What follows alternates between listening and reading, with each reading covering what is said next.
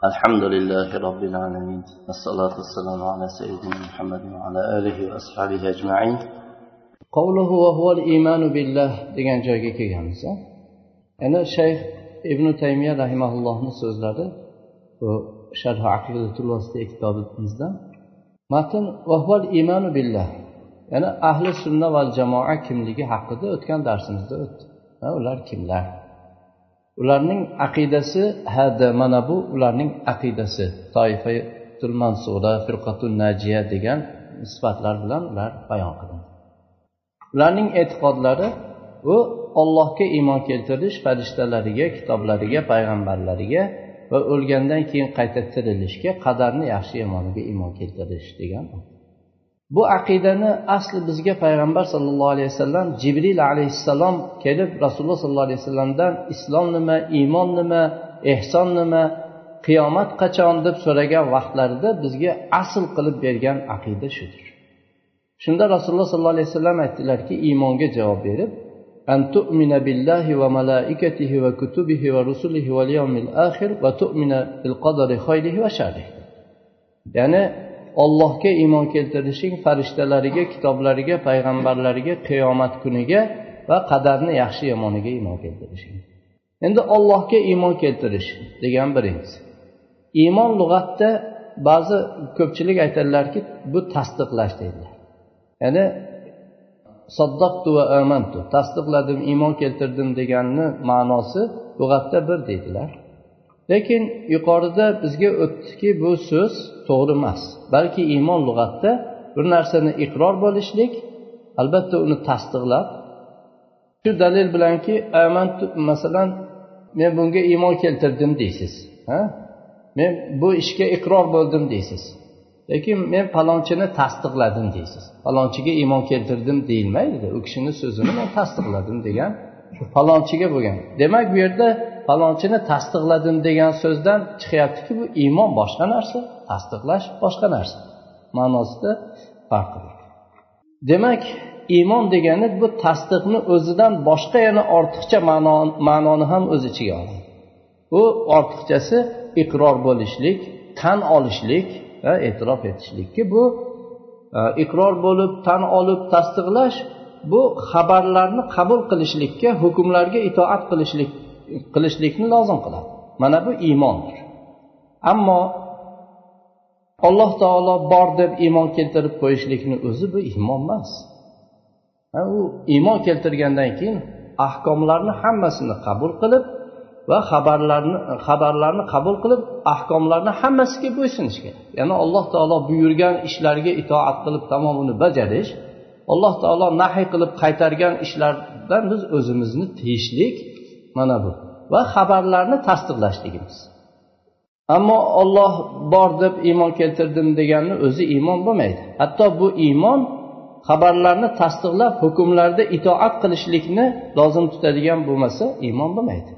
Agar shunday bo'lmasa iymon emas endi alloh taologa iymon keltirish to'rtta ishni o'z ichiga oladi. Ya'ni bu iymon mana shu to'rtta narsa bilan keyin hosil bo'ladi. Birinchisi alloh subhanava taoloni vujudiga borligiga iymon keltirish. Ollohni rububiyatiga iymon keltirish va rububiyatda tanho zot ekanligiga iymon keltirish.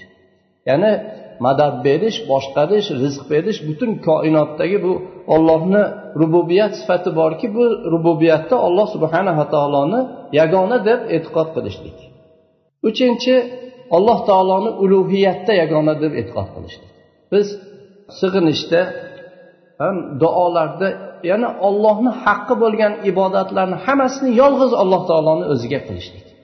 Bu ollohni ulug'iyatda yagona deb e'tiqod qilishlik va alloh taolo to'rtinchisi ollohni ism sifatlariga iymon keltirish. Iymon mana shu to'rtta narsa bo'lgan vaqtdagina haqiqiy vujudga kelishi mumkin.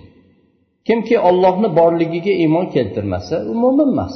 Kim ollohni borligiga iymon keltirsayu rububiyatda tanholigiga iymon keltirmasa ha palonchi ham madad beradi palonchi ham boshqaradi palon degan boshqa falonchilar bo'ladigan bo'lsa yana bu rububiyatda ollohni yagona deb e'tiqod qilmaydigan bo'lsa u mo'min emas.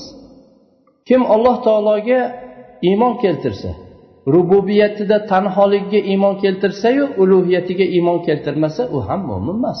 Ya'ni ibodat qilishda endi ollohni yolg'iz haq ma'bud deb bu ulug'iyatda tanholikka iymon keltirmasa kim ollohga iymon keltirsa ollohni rububiyatda tanho ekanligiga va ulug'iyatda ma'bud haq ma'budlikda tanholikka iymon keltirsayu ollohni ism sifatlariga iymon keltirmasa bu ham mo'min emas.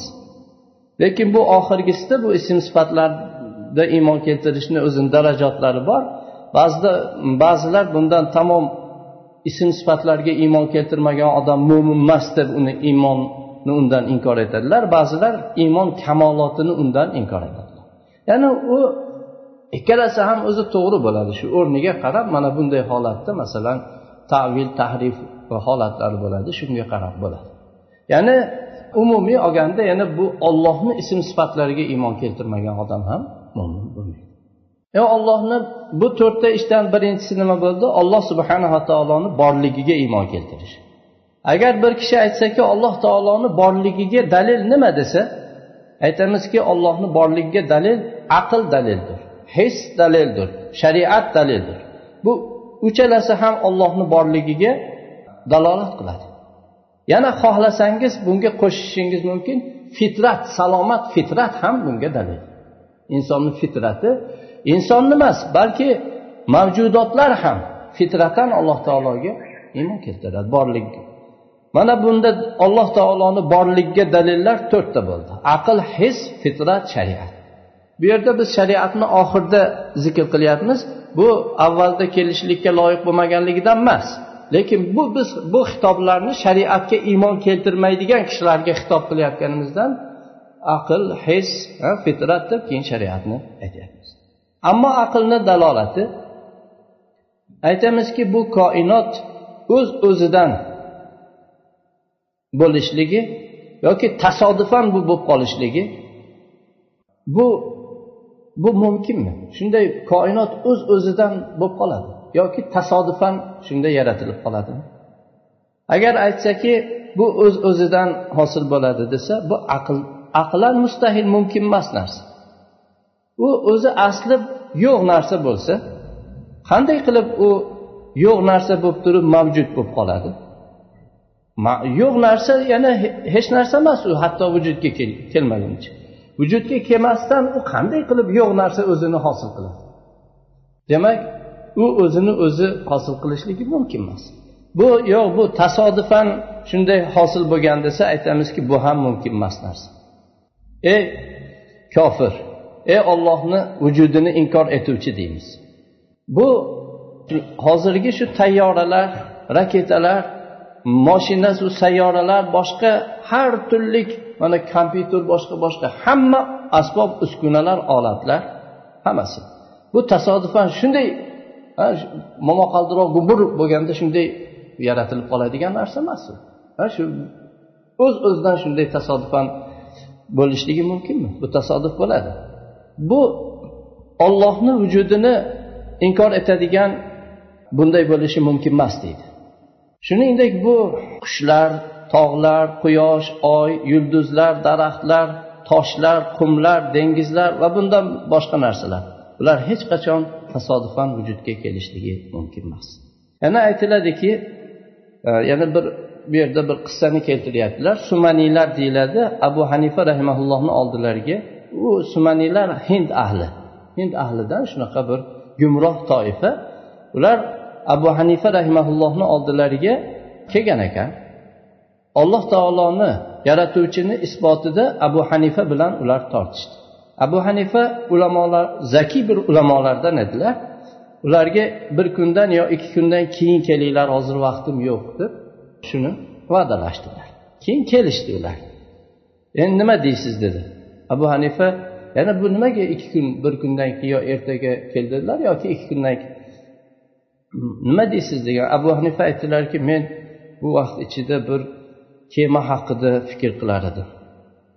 Matolar bilan rizq oziq ovqatlar bilan to'la bir kema o'zi shu e, suvni to'lqinlarni yorib o'zi keldi. Hatto shu kema to'xtaydigan joyga keldida yuklarni o'zi tushirdi. Na boshqaruvchisi bor na ishchilar bor. Kema o'zi yuklarni tushirdi keyin qaytib o'zi ketdi. Bunda e, hammollar ham yo'q edi boshqaruvchi ham yo'q. Shunda ular kelganlar aytdiki bu haqda fikr qilyapsan. Abu hanifa ha dedilar unda seni aqling yo'q ekan. Aql ko'taradimi bir kema hech bir boshqaruvchisiz o'zi kelishligi yuklarni o'zi tushirishligi keyin o'zi qaytib ketishligi. Bu hech aqlga to'g'ri kelmaydi. Shunda aytdilarki sizlar qanday buni aqlinglarga to'g'ri qilmaysizlar? Bu osmonlar quyosh oy yulduzlar tog'lar daraxtlar hayvonlar odamlar hammasi yaratuvchisiz bo'lishligini aqlinglar ko'taradi. Shu kemani shunday kelib ketishini aqlinglar ko'tarmaydi. Shunda ular bildilarki bu kishi ularni aqllariga aqllari bilan xitob qilgan. Va bunga javob berishlikdan keyin u kelgan toifa ojiz qoldilar. Yoki shu ma'noda. Shu yana bu qissa har xil kelgan rivoyatlar shu ma'noda. Yana bir arobiyga sahroda yashaydigan bir arobiy kishiga aytildiki robbingni sen nima bilan qanday taniding robbingni? deb savol berdi. U aytdiki al asaru yadullu alal masir والبعرة تدل على البعير فسماء ذات أبراج فأرض ذات فجاج فجاج فبحار ذات أمواج ألا تدل على السميع البصير يعني bir izni ko'rsak bu yerdan o'tib ketib yurilganligiga bu dalolat qiladi dedi shu tuyani tezagini ko'rsak bu tuyani borligiga dalolat qiladi dedi shunday bo'lsa dedi shunday burjlik osmon bunday vodiylik yer bunday to'lqinlik dengizlar eshituvchi ko'ruvchi zotni borligiga dalolat qilmaydimi? Ana arobiy shunday sodda o'zini tilida shunday javob. Alloh taolo aytadiki hech narsasiz. Yana tasodifan shunday o'zlari yaratildilarmi? Yoki ular o'zlarini o'zlari yaratuvchilar? Ha demak bu yerda aql qat'iy olloh taoloni borligiga dalolat. Ammo ollohni borligiga hisni dalolat. Inson alloh taologa duo qiladi. Aytadiki ya rob deydi va bir narsalarni duo qilib so'raydi. Keyin bunda bu insonga ijobat qilinadi. Bu hissiy dalolat. Inson haqiqatdan sezadigan ko'rib turgan hissiy dalolat. Masalan inson o'zi ollohgagina duo qiladi olloh uni ijobat qiladi. Buni o'z ko'zi bilan ko'radi. Shunga o'xshash biz o'tganlardan yoki hozirgi shu o'zimizga asrdosh bo'lgan kishilardan so'raymiz. Alloh taologa duo qilsa duosini ijobat qilganligi kim ijobat qilyapti? Shu mavjud bo'lgan zot olloh subhanahu bu ollohni vujudiga borligi hisni dalolat. Bir arobiy rasululloh sollallohu alayhi vasallam juma kuni odamlarga xutba qilib turgan vaqtlarida kirib keldi. Aytdiki ya muhammad sallallohu alayhi vasallam mollar halok bo'lyapti bu yo'llar uzilib qolyapti. Allohga duo qiling bizga yomg'ir bersin deb shunday dedik. Kelgan anas roziyallohu anhu aytadilarki allohga qasamki osmonda bulut yoki bulutni bir parchasi ham yo'q edi. Osmon sof tiniq hech bulutsiz edi. Va bu madinani shu bulutlar chiqib keladigan e, tarafidan o'rtada hech bir uy yoki bir hovli to'siq hech narsa ham yo'q edi. Shunday qaragandik sof hech narsa yo'q edi. Shunda rasululloh sollallohu alayhi vasallam duo qildilar. Rasululloh sollallohu alayhi vasallamni duolaridan keyin shu birdan shu qalqonlarga o'xshagan bulutlar shunday chiqdi osmonga ko'tarildi u yoyildi momaqaldiroq bo'ldi chaqmoq chaqdi. yomg'ir shunaqa yog'di rasululloh sollallohu alayhi vasallam e, shu xutbadan tushib kelar ekanlar soqollaridan muborak soqollaridan yomg'ir tushib turadi shunday yomg'ir yog'di bu hammasi yaratuvchi zotni borligiga hissiy dalolat qiladigan voqea ishlar qur'onda bu bundan juda ko'p masalan أعوذ بالله من الشيطان الرجيم وأيوب إذ نادى ربه أني مسني الضر وأنت أرحم الراحمين فاستجبنا له ayub alayhissalomni alloh taolo og'ir bir shu kasalliklar bilan alloh taolo faqirlik bilan u kishini imtihon qildi ya'ni bu ayub alayhissalomni ibn abbos roziyallohu anhudan rivoyat qilgan bunga sabab bo'lgan u kishini xatolari nima edi bir miskin bir bechora menga shu falonchi zulm qilyapti yordam bering deganda yordam bermagan alloh taolo shunday imtihon qildi. Ayub alayhissalom allohga tavba qildilar nido qildilar robbilariga. Robbilariga nido qilib menga bunday zarar mashaqqat yetdi. Sen rahm qilguvchilarni ham eng rahmlirog'isan mm, deb duo qildilar. Biz u kishini duolarini ijobat qildik deydi alloh. Ya'ni ayub alayhissalomni duolarini olloh ijobat qildi. Ya'ni olloh bor mavjud haq zot ijobat qildi.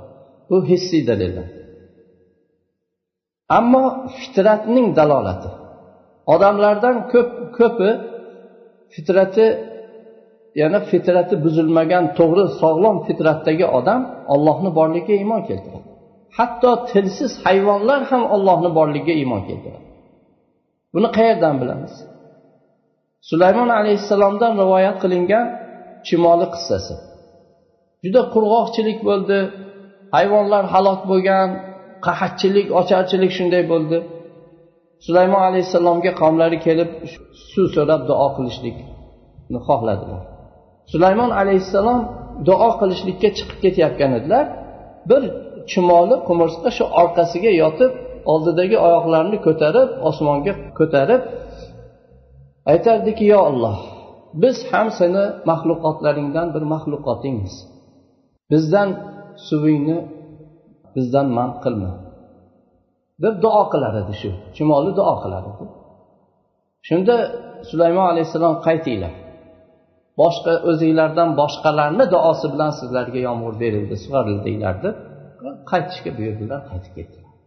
Ya'ni shu chumolilar ham bu tug'di fitratdagi hasharotlar ham hatto alloh taoloni borligiga iymon keltiradi fitrat alloh taoloni tanishlikka ollohni yagona zot ekanligini bilishlikka tabiatlangandir alloh taolo bunga mana bu so'zida ishora qiladi وإذ أخذ ربك من بني آدم من ظهورهم ذريتهم وأشهدهم على أنفسهم ألست بربكم قالوا بلى شهدنا أن نقول يوم أن تقولوا يوم القيامة إنا كنا عن هذا غافلين أو تقولوا إنما أشرك آباؤنا من قبل وكنا ذرية من بعدهم يعني ربingiz odam alayhissalomni farzandlari farzandlaridan ya'ni ularni zurriyotlarini alloh taolo ulardan oldi va ularni o'zlariga o'zlarini alloh taolo guvoh qilib alastu bi robbikum ya'ni bu ruhlar bilan bo'lgan deydilar bu o'rtada misoq ahdlashuv Men sizlarni robbingiz emasmanmi dedi. Aytdilarki bala yo'q robbimizsan biz bunga guvohmiz. Deb alloh taolo shuni o'zlariga o'zlarini shunday guvoh qilib qo'ydi. Qiyomat kunida biz bundan g'ofil ekanmiz. Biz bilmagan xabarimiz yo'q edida biz bundan g'ofil edik demasliklari uchun. Yoki bizni ota bobolarimiz shirk keltiribdilar oldinda.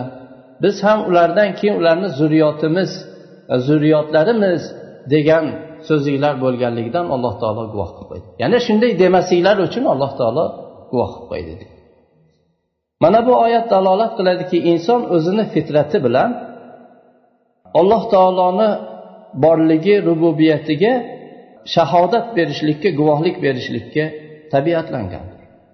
Xoh bu qissani biz aytsakki alloh taolo odam alayhissalomni shu mm, pushti kamarlaridan butun zurriyotlarini chiqarib turib ruhlarini ularga guvoh qildi deylik. Xoh alloh taolo ularni fitratlarida shu ollohga iqror bo'lishlikni alloh taolo ularni fitratlarida shuni murakkab qilib olloh shuni jamlab qo'ydi deylik. Oyat dalolat qiladiki inson o'zini fitrati bilan robbisini taniydi. Mana bu olloh subhanava taoloni borligiga dalolat qiladigan to'rtta dalil. Ammo shariatning dalolati payg'ambarlar olloh subhanava taoloni hamma xalqni isloh qiladigan hammalarni isloh qiladigan narsalarni hammasini o'z ichiga olgan shariatni payg'ambarlar olib keldi. Bu dalolat qiladiki buni shunday mehribon hikmat sohibi bo'lgan rob taolo buni shu shariatni yubordi. Xosatan mana bu ulug' qur'on bashariyatni ojiz qoldirgan jinni bunga o'xshashni keltirishdan ojiz qoldirgan qur'on. Buni olloh subhanava taolo bizga yubordi. Bu dalolat qiladiki shunday robbimiz bor shunday hakim rahim shunday qudratlik robbimiz borligiga dalolat bu olloh subhanava taologa iymon keltirish. Yana rasul sollallohu alayhi vasallam bayon qilgan jibril alayhissalomni iymon haqida so'ragan savollariga bergan javobdagi iymon keltirishni birinchi asl ana shu edi سبحانك اللهم بحمدك أشهد أن لا إله إلا أنت أستغفرك وأتوب إليك والسلام عليكم ورحمة الله وبركاته